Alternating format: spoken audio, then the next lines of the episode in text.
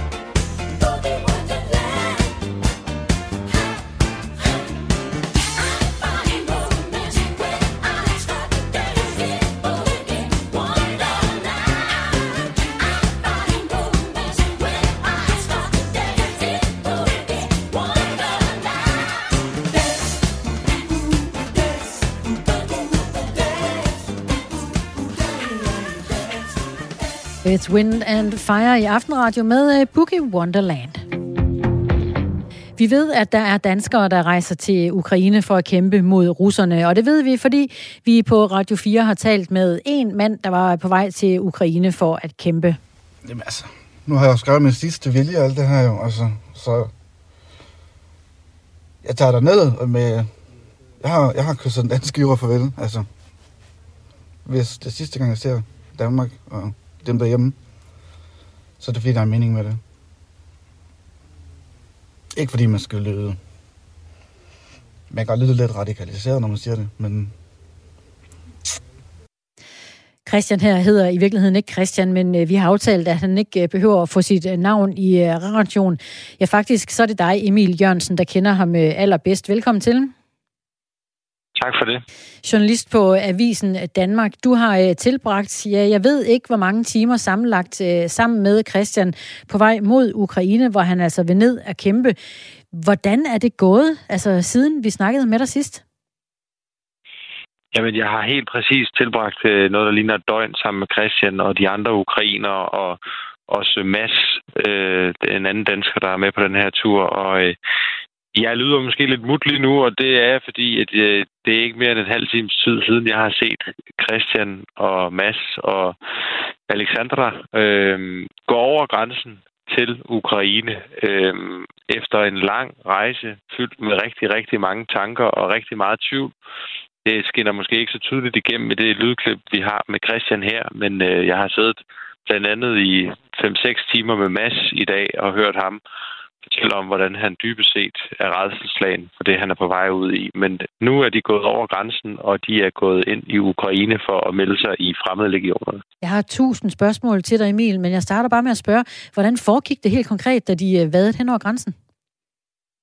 Det foregik på den måde, at vi holdt i en lille bilkø øh, foran et lyskryds, og så kom der sådan en polsk betjent hen med en hvid hat og en refleksjakke og bankede på ruden og spurgte Ukraine, er I sikre?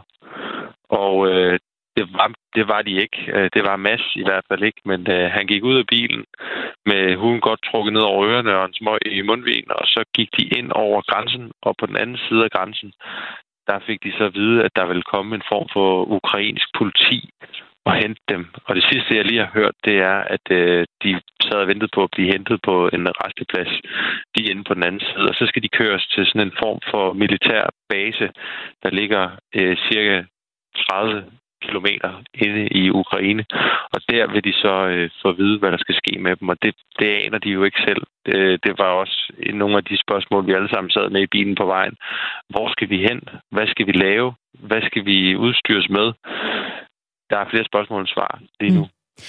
Og så øh, er det selvfølgelig alle de følelser og tanker, der har måtte være i de unge mænd, som du øh, så forlade der. Hvad var ligesom det sidste, de gav udtryk for? Det sidste Mads sagde til mig, det var, at han havde lyst til at køre hele vejen hjem til Danmark og ligge i sin seng. Men han følte også, og det var otte år, han blev ved med at gentage over for mig, at det er for sent at vende om nu. Han øh, er rejst hele vejen fra Vejle, hvor han kom fra, øh, og hele vejen herned til grænsen ved Ukraine. Han har undervejs stillet op til utallige interviews, både med TV2 og, og med mig, der jo har været med på den her rejse. Og det, som der ligesom er sket, det er, at både Mads og øh, Christian jo har fået en, en masse eksponering i medierne og øh, har fået noget, som de i hvert fald selv synes, ligner lidt sådan en, en, en helterolle på vej ind i landet. Og øh, samtidig med, at Mads han sad og var meget i tvivl om, hvorvidt han skulle gennemføre det her, der kunne han jo også se, at der lige pludselig var folk, der skrev til ham på Instagram, folk, der skrev til ham på Facebook, takkede ham for det, han havde gang i. Og det gav ham jo den sidste, det sidste skub mod at, øh, at fuldføre det her. Nu, nu spørger jeg sådan bare direkte ud af posen her. Føler du, at han overskred sin grænse ved at gå?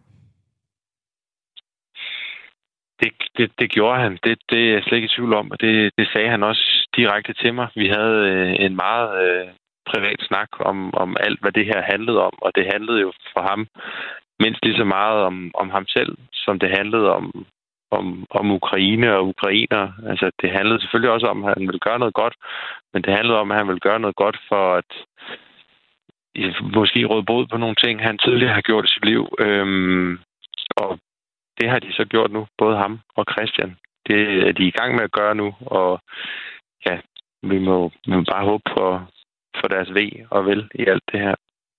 Og du er indledt vores snak nu her med at sige, at det godt være, at lyder en lille smule mut. Hvad ligger der bag det, at du er mut lige nu? Er du ked af det? Ja, men det er da klart, det påvirker jo en, når man har siddet øh, i en bil sammen med et andet menneske i et døgn, og øh, når man sådan sidder der om, om natten og kører afsted, og man ikke har andet at fylde rummet med end, end ens tanker og snak, så, så kommer man jo lidt tæt på en person, og jeg var ikke sikker på, om, om, om hverken Mads eller, eller Christian, de var, øh, de var helt klar over, hvad det var, de var på vej ud i. Det var de jo ikke. Det sagde de jo også åbent. Men de har valgt at gøre det, og det må man jo tage hatten af for. Alt ære og respekt for det. Øhm, men, men ja, det, det, er da, det er da en mærkelig følelse at se, se nogen, som... Det er ikke, fordi man kender dem andet end øh, i et døgn, men, men se nogen bevæge sig ind over en grænse og gå ind i en krig, som øh, måske de ikke kommer tilbage fra igen. Og nu øh, kan det godt være, øh, at jeg, Emil Jørgensen, at jeg overskrider din grænse. Så må du sige fra, fordi som journalist, så er vi jo vant til at observere og beskrive den virkelighed, der foregår omkring os. Men blev du alligevel en del af den virkelighed? Ja, det gjorde jeg da i høj grad. Jeg, jeg sad der og snakkede med, med, med Mads på bagsiden om det her undervejs, og, og, og fortalte ham også, prøvede at sige til ham, at, øh, at det var jo, altså, det var jo ikke for sent at vende om, hvis, hvis, han, hvis han ikke havde lyst. Han skulle ikke gøre noget, han ikke havde lyst til, men i sidste ende, der valgte Mads at, at træffe den beslutning, ligesom Christian gjorde, øh, og ligesom ukrainerne gjorde. Og øh, som jeg lige sagde før, det må man jo også bare have, have respekt for. Og det, det fik de så i øvrigt også på øh, vores sms, øh, da vi øh, talte sammen i går om, øh, om, om Christian blandt andet. Emil Jørgensen, lang vej hjem igen. Du er et eller andet sted i øh, Polen og, øh, og med snuden mod øh, Danmark. Rigtig god uh, tur den vej. Tak for det.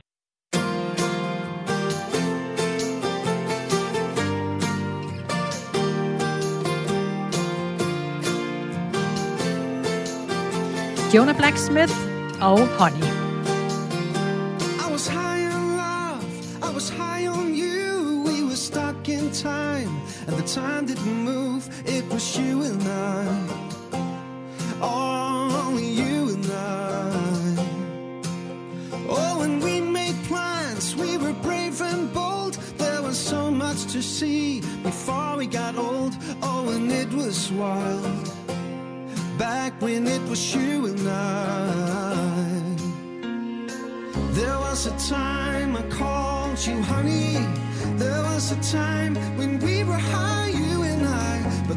it seems our love is drifting away from us. Mm, so if we don't realize there's a way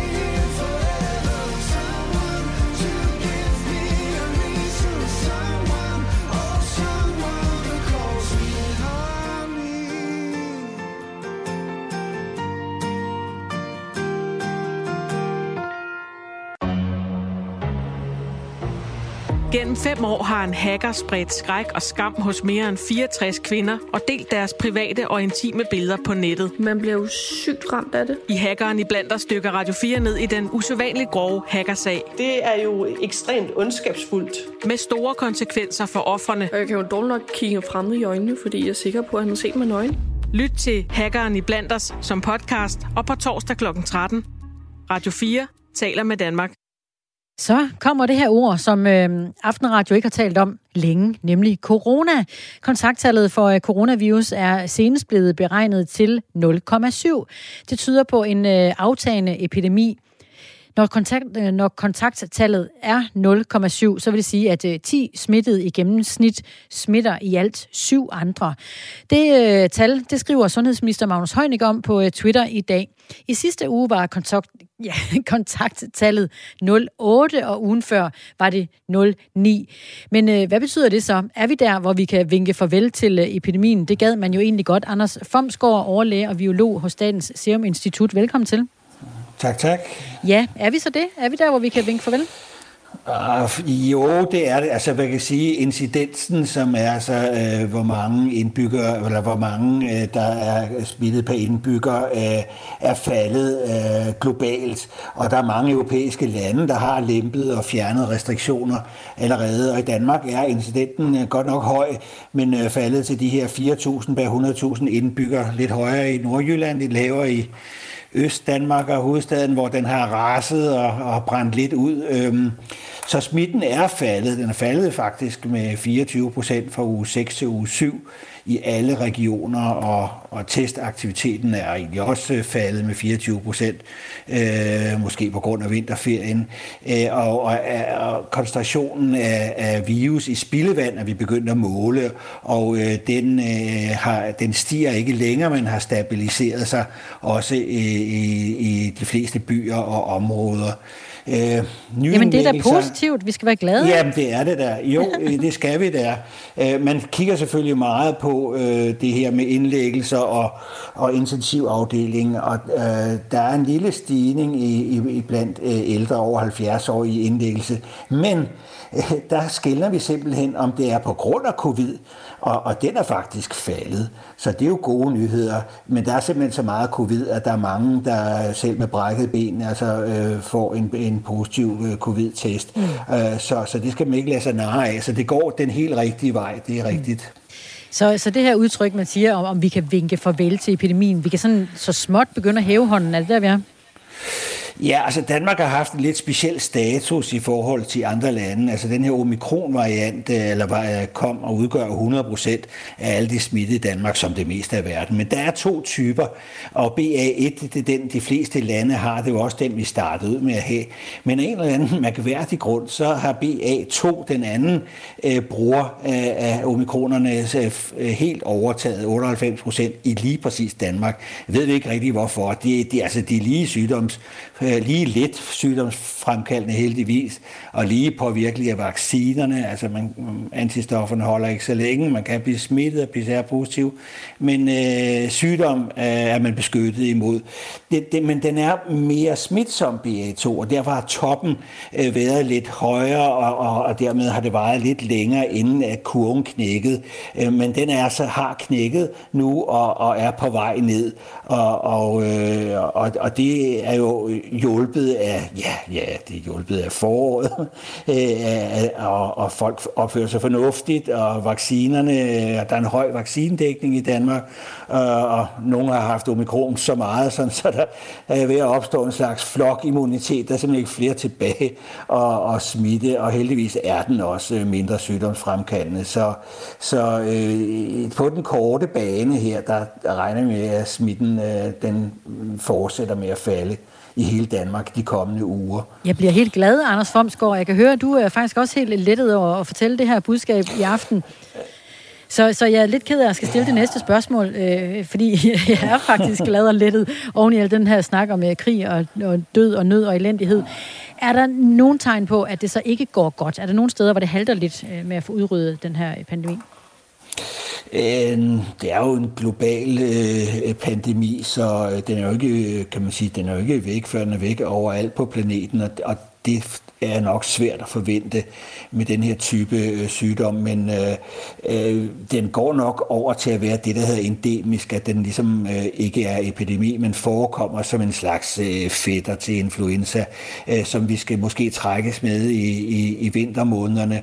Øh, men øh, ja, altså hvis der ikke kommer nogen joker i form af en ny mærkelig mutation, så, øh, så er det nok det scenarie, vi, vi tænker måske på den lange bane. Øh, men der er også ved at blive udviklet nye og bredere og bedre dækkende vacciner faktisk, og det kan være at dem til næste vinter, vi får en, en ny type vaccine, der, der er endnu bedre. Ligner, så, undskyld, ja. ja. Jeg vil bare spørge, ligner det her mønster, øh, hvad man har set tidligere fra de her øh, pandemier, kendt tidligere? Ja, altså influenza-pandemien, som vi altid i 1918, øh, den spanske syge der, den kom jo også i bølger, som strækte sig over øh, 19, 17, 18, 19 stykker der, ikke? Så man, altså man har ligesom ikke set, at, at den epidemiske forløb i, i bølger, ligesom, at det skulle blive ved i, i, i flere år med den her type infektion. Men, øh, men nok stabiliserer sig efterhånden, som immuniteten i befolkningerne øh, holder den sådan øh, nede. Øh, og så kan det blive lidt besværligt omkring vintertid, hvor folk rykker indendørs og smitter hinanden. Men altså, øh, så, så man kan opbygge en vis immunitet, så det ser ud som om, at pusten går af, af dem, så det ikke bliver så endemisk og så voldsomt. Øh, øh, det er jo det, vi håber på, og det, det ser ud som om, det går den vej. Og vil det i så fald blive sådan, at kravet om isolation øh, bortfalder fuldstændig også øh, årene fremadrettet? Øh, altså, det kommer jo fuldstændig an på, øh, hvordan det forløber. Vi sidder jo her og gætter, men det er kvalificeret gæt. Øh, altså, øh, restriktioner og så videre, det, det er jo nok mere Sundhedsstyrelsen. Mm. men ja. men øh, jeg vil tro, at vi opbygger så meget immunitet, at, at det kommer til at ligne flokimmunitet. Altså på den måde har omikron jo været øh, en slags... Øh, helt på en måde, ikke? fordi den, den har jo inficeret så mange, uden at gøre dem rigtig syge. Jeg er med på, at der er nogen, der tåler det uh, mindre end andre, og det kan være rigtig træls. Mm. Men uh, i det store hele, så, så har det uh, gået så, langt, så meget løbsk, at vi faktisk er kommet på den anden side, og den er ved at brænde ud, som man også kunne kalde det. Godt nyt, Anders Fomsgaard, overlæge og biolog på Statens Serum Institut. Tak for det. Selv tak. Ja,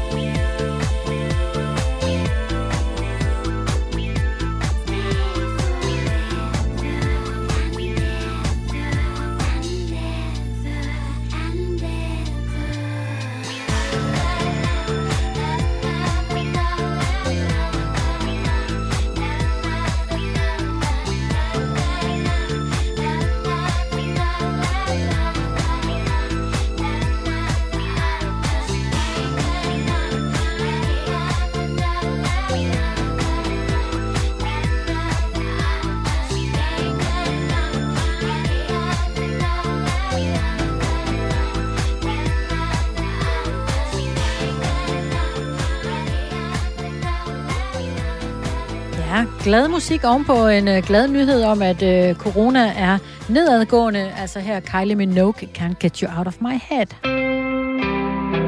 Dorte Lind, velkommen indenfor. Tak. Med et uh, frisk blik på uh, morgendagens nyheder. Ja. Hvad ja. venter os? Jamen, vi slipper ikke Ukraine. Lad mig sige det sådan. Vi skal blandt andet tale om det her samarbejdsstop, som øh, danske universiteter nu har varslet, efter at øh, øh, forskningsministeren øh, Jesper øh, Petersen sagde, jamen, øh, det synes vi, vi skal indstille samarbejdet med både hviderussiske og russiske institutioner. Øh, og det øh, har de danske uddannelsesinstitutioner nu taget op, altså universiteter og, og DTU og, og øh, desligne øh, vil nu indstille det samarbejde, der er. Og vi får formand fra rektorkollegiet med i morgen, øh, som fortæller lidt om... Øh, han, han kan ikke rigtig altså det der med de kæmpe store konsekvenser af det, det vil nok være nogle år, før man ligesom ser, mm. øh, hvad, hvad der kan være konsekvenser. Så det, det er på en eller anden måde symbolsk, men vi vil selvfølgelig også gerne spørge ham ind til det her med, forskning, øh, udveksling af, af måske livsvigtig viden, øh, forskning inden for nogle bestemte områder, er det, er det her, man skal sætte et boykot ind? Det, det kunne jeg da i hvert fald godt tænke mig at høre ham svare på i morgen. Lige høre, hvad der egentlig er på spil. Ja, ja lige præcis. Ja. Øh, men, men det er altså noget, som de øh, føler ret stærkt for, øh, vil jeg sige. Øh, kunne jeg mærke, da jeg ligesom talte ja. med om, at, at de vil gerne følge trop i forhold til det her. Øh, så det er noget af det, vi dykker ned i.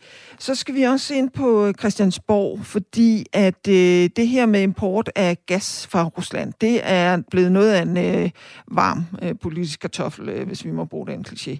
Øh, der har jo været hele den her debat om Ørsted, der har en kontrakt, og øh, indtil øh, 2030, der skal man ligesom det har nu udviklet sig til en hel debat om, hvordan vi ligesom øh, øh, får energi, altså den her energipolitiske dagsorden omkring grøn omstilling osv., skal vi stille den i bero, mens det her nu foregår. Det prøver vi også at dykke ned i øh, i morgen med både, både politiske analyser, så får vi også Connie Hedegaard, der er formand for den grønne tænketank Concito med. Øh, og hun mener faktisk, at det er, det er en gal vej at gå, altså at man sætter den grønne øh, omstilling på, i, i bak mm. øh, på den måde der. Så har vi også Samuel Raklin med, øh, en mand, der jo virkelig kender til Rusland, og han skal fortælle lidt om, hvordan han ser på øh, Putin, altså og hans hvad skal jeg sige, hans handlemønstre lige nu. Øh, fordi hvad, hvad, hvad er hans næste træk? Han mener, øh, Raklin mener, at Putin er meget presset af den her krig, øh, og øh, hans hvad skal jeg sige, hans drøm om at øh, ligesom udvide og gøre Rusland til en kæmpe magtfaktor. Øh, øh, Øh, I hvert fald ikke er gået sådan, som han gerne ville. Øh, så hvad er hans øh, næste træk? Så det prøver vi at, at høre om, om, øh, om Raklen, han kan svare på i morgen. Mm. Fra en mand, der har været tæt på og skrevet ja. bøger også om ja, Putin. Ja, lige præcis. Ja, han har skrevet bogen Jeg Putin, så mm. øh, han har en del viden. Ja. Det kan vi høre i øh, radioen i morgen. Ja. Fra øh, klokken 6 sender vi som altid øh, direkte morgenradio. Tak for det, Dorne. Tak, tak.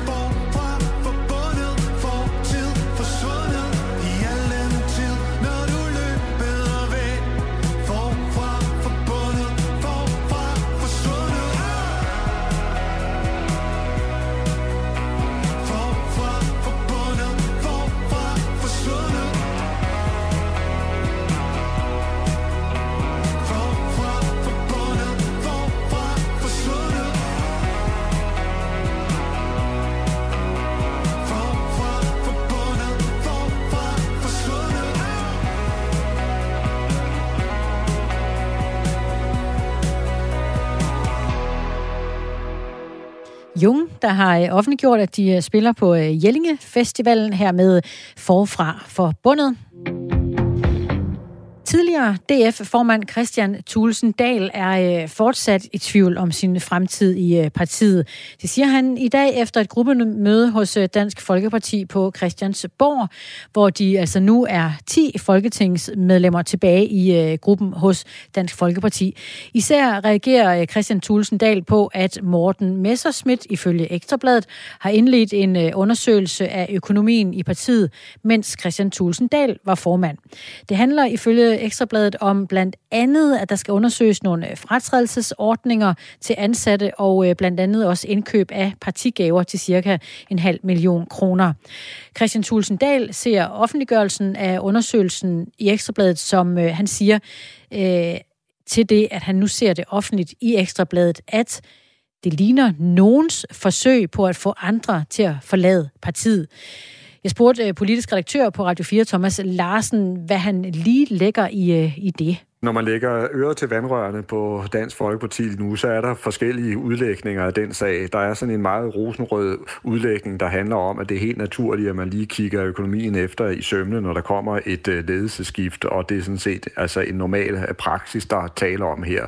Og så er der mildest talt den øh, knap så rosenrøde og pæne version, der handler om, at det her det er et forsøg på at få ramt på Christian Tusinddal for, og et forsøg på at finde ud af, om der er nogle ting, han har gjort øh, galt, og derfor er der også en del i DF, der ser det her som øh, udtryk for, at der jo er gang i en meget hård stillingskrig mellem Morten Messerschmidt på den ene side og Christian Tulsendal på den anden side. Og man skal nok også bide lidt mærke i, at den her historie kommer frem, for det betyder jo, at der er nogen, der har haft interesse i at fortælle medierne, at man sætter sådan en undersøgelse i gang, og det siger også noget om, hvor giftigt der er internt i DF lige nu. Og det er netop også noget af det, Christian Tulsendal han kommenterer på, nemlig offentliggørelsen af undersøgelsen i Ekstrabladet, hvor han siger, at det må være nogens forsøg på at få andre til at forlade partiet. Hvad læser du mellem de linjer?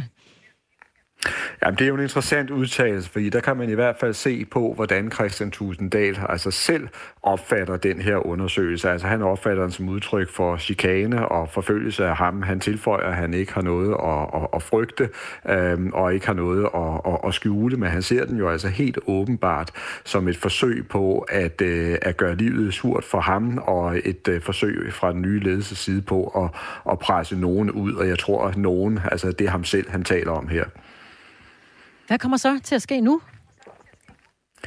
Ja, det er jo lige præcis 10.000 kroner spørgsmål, Christina, fordi det er altså et øh, parti i en så øh, dyb krise, så næsten trodser enhver øh, beskrivelse, og jeg har selv meget svært ved at se, at øh, Christian Tulsendal, han er medlem af Dansk Folkeparti, altså i en lang øh, årrække, øh, der kommer. Altså jeg kan ikke se det her som andet end altså, en, en, en, en øh, begyndelsen på enden, tror jeg Churchill sagde, øh, på, øh, på Christian Tulsendals medlemskab af, af DF DF, fordi det er meget, meget svært i praksis at se, hvordan Morten Messerschmidt og Christian Tusinddal, de skal kunne få et fornuftigt øh, samarbejde, når afstanden er så stor. Ja, for øh, som han selv sagde efter gruppemødet i dag, det synes jeg egentlig bare lige, vi skulle prøve at lytte til en gang her. Jamen, der sker jo ændringer øh, i Dansk Folkeparti, meget markante ændringer lige nu. Øh, og hvordan alt det lander, det ved vi jo ingenting om. Øh, så lige nu er der rigtig mange bolde, der er kastet op i luften, og der er jo mange, både nu er der 6 MF'er, der har forladt os gennem den sidste uge. Der er mange medarbejdere, der forlader os igennem den her næste måneds tid. Og det er klart, det skaber nogle forandringer i partiet, og så må vi se, hvordan det hele lander, og hvordan vi bedst kan komme frem igen mange bolde kastet i luften, og mange har forladt partiet.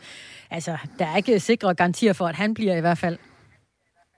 Nej, det er stensikkert. Altså, øh, det kunne jo være, øh, det kunne være meget nemt for ham at sige, at han øh, vil blive og, og, og kæmpe internt, og, og det gør han ikke, og det skal man selvfølgelig lægge mærke til. Altså, jeg tror, at Christian Tulendal, han er ved at have fået nok. Jeg tror, at han er ked af, eller jeg ved, at han er ked af, at der er så mange af politikerne, af de folkevalgte politikere på Christiansborg, der har forladt partiet. Det har han jo også sagt offentligt. Han har sagt, at det var folk, der virkelig havde havde DF i deres øh, DNA, så at sige. Altså virkelig nogle øh, lojale og trofaste folk, der har fået nok. Og øh, så ser han så samtidig på, at der lige nu er en, en afvandring af, af medarbejdere, der også forlader partiets sekretariat på Christiansborg.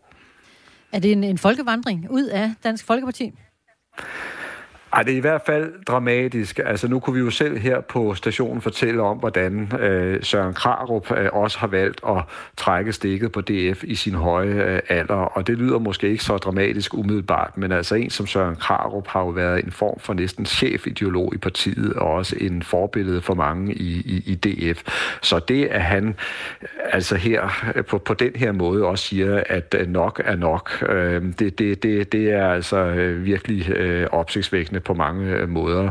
Øh, hans datter har jo øh, allerede forladt partiet, også er blevet løsgænger, det vil sige, at hele familien Krarup er ude af, af DF nu, og så har vi jo altså haft den her næsten spaltning af folketingsgruppen, hvor en masse nu har valgt at blive løsgængere på Christiansborg, og så ser vi altså også medarbejdere, der får nok. Og det er altså meget dramatisk, det der foregår også på DF's gange på Christiansborg. Jeg har gode kilder, der fortæller om medarbejdere, der simpelthen har svært ved psykisk at holde til den stemning, øh, meget onde stemning, øh, der er i partiet øh, lige nu. Også folk, der altså decideret øh, bryder grædende øh, sammen.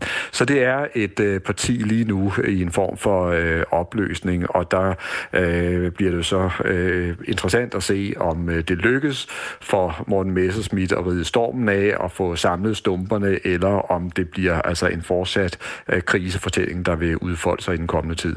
Hvad tror du? Jeg mener stadigvæk, at det er for tidligt at skrive nekrologen over Dansk Folkeparti. Jeg tror, at øh, Dansk Folkeparti, hvis det overlever, det bliver et øh, mindre parti i, en årrække, men jeg mener stadigvæk, at Morten Messerschmidt og Pia Kjærsgaard i forening vil have en chance altså for at give partiet en, øh, en ny periode ved Folketinget, i Folketinget ved næste valg. Men det er klart, der skal til at sættes et stopper for den her uro og de her kaostilstande, som præger partiet i øjeblikket fortalte politisk redaktør på Radio 4, Thomas Larsen, som jeg talte med tidligere i dag. Portrætalbum. En gæst. Et musikalbum og masser af gode historier. På en eller anden måde blev det sådan lyden på et savn. Vært Anders Bøtter dykker ned i tiden, musikken og de minder, den sætter gang i hos gæsten. Der var retning på det, følte jeg. Jeg troede på det, han sang. Bliv suget med ind i, hvad musikken gør ved os. I Portrætalbum fredag fra 17 til 19, eller som podcast, når det passer dig. Musikken, det er altså en gave, man har hele livet. Radio 4 taler med Danmark. Yo, G, they can't stop me from rapping, can they? Can they, ha? I spit it through the wire, man. Too much stuff on my heart right now, man. I gladly risk it all right now. It's a life or death situation, man. Y'all, y'all, y'all don't really understand how I feel right now, man. It's your boy Kanye Chitter. Shot Town, what's going on? Uh huh, drink a boost for breakfast, an insure for dessert. Somebody order pancakes, I just sip the scissor. That right there could drive a sane man berserk. Not to worry, Mr. Ace to the Izzles back to Wizard. How do you console my mom or give a light support? Telling her son's on life support. And just imagine how my girl feel. On the plane, scared as hell that a guy looked like Emmett Till. She was with me before the deal, she been trying to be mine. She a Delta, so she been throwing that dynasty sign. No use me trying to be lying. I've been trying to be signed, trying to be a millionaire. How I used two lifelines in the same hospital where Biggie Smalls died. The doctor said I had blood clots, but I ain't Jamaican man. Story on MTV, and I ain't trying to make a band. I swear this right here, history in the making, man. I really apologize to everyone right now if, if it's unclear at all, man. They got my mouth wired shut for like, I don't know, the doctor said like six weeks. You know, he had I had reconstructive surgery on my jaw. I looked in the mirror, half of my jaw was in the back of my mouth, man. I couldn't believe it. But I'm still here for y'all right now, man. This is what I got to say right here, dog. Yeah. Turn me up, yeah. Uh. What if somebody from the shadow was ill? Got a deal on the hottest rap label around. But he wasn't talking about coke and birds, it was more like spoken word. Except he's really putting it down. And he explained the story about how blacks came from glory and what we need to do in the game. Good dude, bad night, right place, wrong time, in the blink of an eye. His whole life changed. If you could feel how my face felt, you would know how Mace felt. Thank God I ain't too cool for the safe belt. I swear to God, driver two wanna sue. I got a lawyer for the case to keep us in my safe. Safe, my dogs couldn't tell if I. I look like Tom Cruise on Vanilla Sky. It was televised. Accident like Geico. They thought I was burned up like Pepsi did Michael. I must got an angel. Cause look how death missed his ass. Unbreakable. What you thought they call me Mr. Glass? Look back on my life like the ghost of Christmas past. Toys R Us where I used to spend that Christmas cash. And I still won't grow up. I'm a grown ass kid. Swear I should be locked up for stupid that I did. But I'm a champion. So I turn tragedy to triumph. Make music that's fire. Spit my soul through the wire. You know what I'm saying? When the doctor told me I had a um, I was gonna have to have a plate in my chin. I said, dog, did you realize I'll never make it on a plane now? It's bad enough I got all this jewelry on. She can't be serious, man.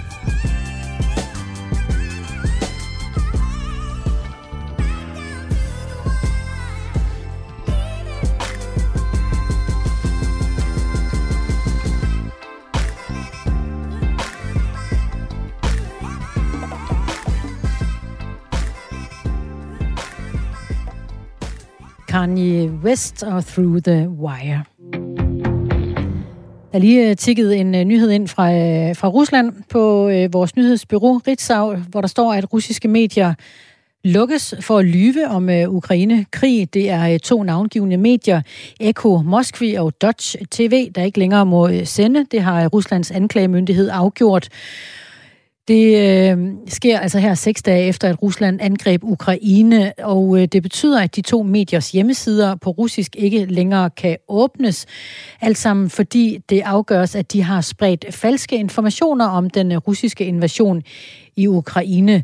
Eko øh, Moskvis øh, chefredaktør Alexander Venediktov bekræfter på øh, det sociale medie Telegram, at hans radiostation er lagt ned. Synes du også, det har regnet meget her i øh, februar, så har du øh, faktisk fuldkommen ret i den antagelse. Februar 2022 er en måned, der skriver sig ind i historien som den øh, næst vådeste februar nogensinde. Over 121 mm er der faldet på landsplan, og det har betydet, at mange danske byer har øh, oplevet oversvømmelser. Nogle af dem er Nyborg, det er Haderslev, Holstebro og Roskilde. Johannes Jul Ditlevsen, han er husejer, og øh, hans hus ligger lige ud til Gudenåen i øh, Bjerringbro. Det fortalte han til Radio 4 morgen, og han fortæller, hvordan han har mærket regnen i februar. Jamen, det har vi altså. Det står højt op i vores haver hernede i Bjerringbro. Øh, det har nok stået cirka en halvanden meter over normalt daglig vand. Det har Gudnåen. Øh, det er ikke det værste, vi har oplevet, men det er tæt på. Det har regnet mest i Jylland i løbet af februar, så hvordan ser øh, Johannes have ud i Bjerringbro? Jamen altså, det halve haven, den er fyldt med vand. Det er den. Så, og min, øh, min nabos hus, det var her i sidste uge, det var det helt omringede vand. Så det er ikke, det er ikke spændende. Det er det ikke. Men øh, vi har jo nogle kommuner, som har misligeholdt deres øh, vedligeholdelse af vandløbet, mener jeg i hvert fald. Mm. Det, det er noget af grunden til, at vi har så meget oversvømmelse, som vi har. Og forklaringen bag oversvømmelserne har Johannes Jule Ditlevsen et bud bud på? Det er simpelthen, simpelthen selve Gudnåen, at kommunerne ikke kan blive enige om at, at passe den. Vi har alt for mange næringsstoffer i vores vandløb, så grøden den vokser fuldstændig uhemmet hernede. Og det er med til at bremse vandet. Så, og så, øh, så sker det. Så det når grøden den er så voldsom, som den er, så, øh, så, så finder åen et nyt løb inden for grøden, og så skyller det brinkerne ud, og vores å, den er blevet bunden i åen er cirka vokset op til 70 cm i højden. Så øh, grøderne er efter Johannes' overbevisning en del af problemet, og Radio 4 Morgen spurgte ham, om han ikke bare kunne skære dem ned sig. Nej, det kan man ikke, og det må man ikke. Mm. Det må man ikke, og det batter jo heller ikke noget i de der 20 eller 40 meter, jeg har hernede. Det batter jo ingenting. Det gør det ikke. Så, øh, men altså, det, øh, vores gamle, vores træer, vi har ingen gamle træer mere tilbage langs med Gud, når de er døde, de er druknet. Vi har alle vores buske langs med åen, de er efterhånden skyllet ud i åen.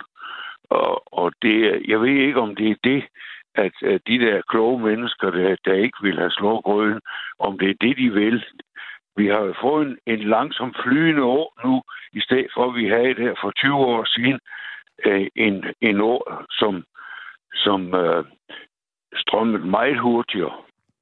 Og den netop overståede måned er så altså den næst vådeste februar nogensinde. Den vådeste, det var i 2020. Der faldt der 135 mm på en hel måned. Og Johannes har selv gjort en indsats for at undgå oversvømmelser i sin have. Jeg har fyldt øh, på min have. Min nabo og mig, vi fyldte 120 lastbillæs på her for tre år siden. Og øh, så har jeg sat nogle planker hele vejen rundt. Noget ACB-træ. Det er tungt træ, der ikke kan flyge. De stammer ned fra Nyborg Havn. Øh, det er sådan nogle, de er, de er øh, en halv gang en halv meter, og så er de jo de er fem meter lang. Så øh, dem har jeg sat hele vejen omkring min have. Sådan at øh, når åen det står helt op, så kan jeg sætte noget skud for. Så har jeg tre skud, jeg kan sætte for, sådan at jeg begrænser øh, åen i at komme helt ind i, i huset. Det har jeg vel ved at opleve, at den stod bare 3 cm fra mit stuegulv. Så, øh, så det, derfor har jeg lagt de der planker. Og så har jeg lavet en ekstra pumpebrønd, så alt vand, der kommer her på mit tag og på mine terrasser og min dræn under neden, det går over i pumpebrunden og hvor pumper direkte ud i, i mølbækken ved siden af. Jeg har to problemer her. Jeg har jo også mølbækken på den ene side, og jeg har Gud nu på den anden side. Og risikoen for oversvømmelser er et problem for Johannes' have. Både øh, for ham og folk i området oplever det. Så Radio 4 Morgen spurgte, om han øh, frygter, at det kan være svært at sælge huset på grund af oversvømmelserne. Det kan godt blive svært, ja. Det kan det. Det kan det. Og så, øh, så har vi jo lige nøjagtigt nu her i år fået fyldt på sportspladsen over for os her. Sådan, øh, og det er lige modsat af, hvad de kloge mennesker de siger. Man, man siger jo, de kloge, de siger, at man skal grave af øh, naboengene til åen, sådan at vand det kan brede sig ud. Nu har kommunen fyldt op i stedet for. Så, så naboen og mig, vi har fået masser af mere vand, end mm. vi plejer. På de sidste 30 år er februar blevet 32 procent vådere. Det var øh, indslag fra Radio 4 Morgen, som du altid kan lytte og genlytte til, hvis du øh, tjekker ind på øh, vores radio-app Radio 4 eller hjemmesiden radio4.dk. Aretha Franklin, You Sent Me.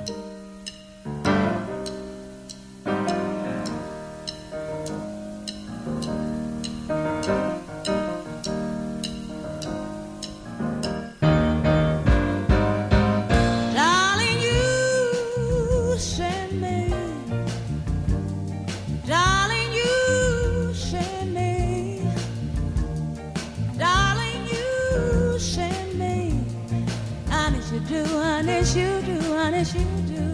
Oh, you thrill me, darling. You thrill me,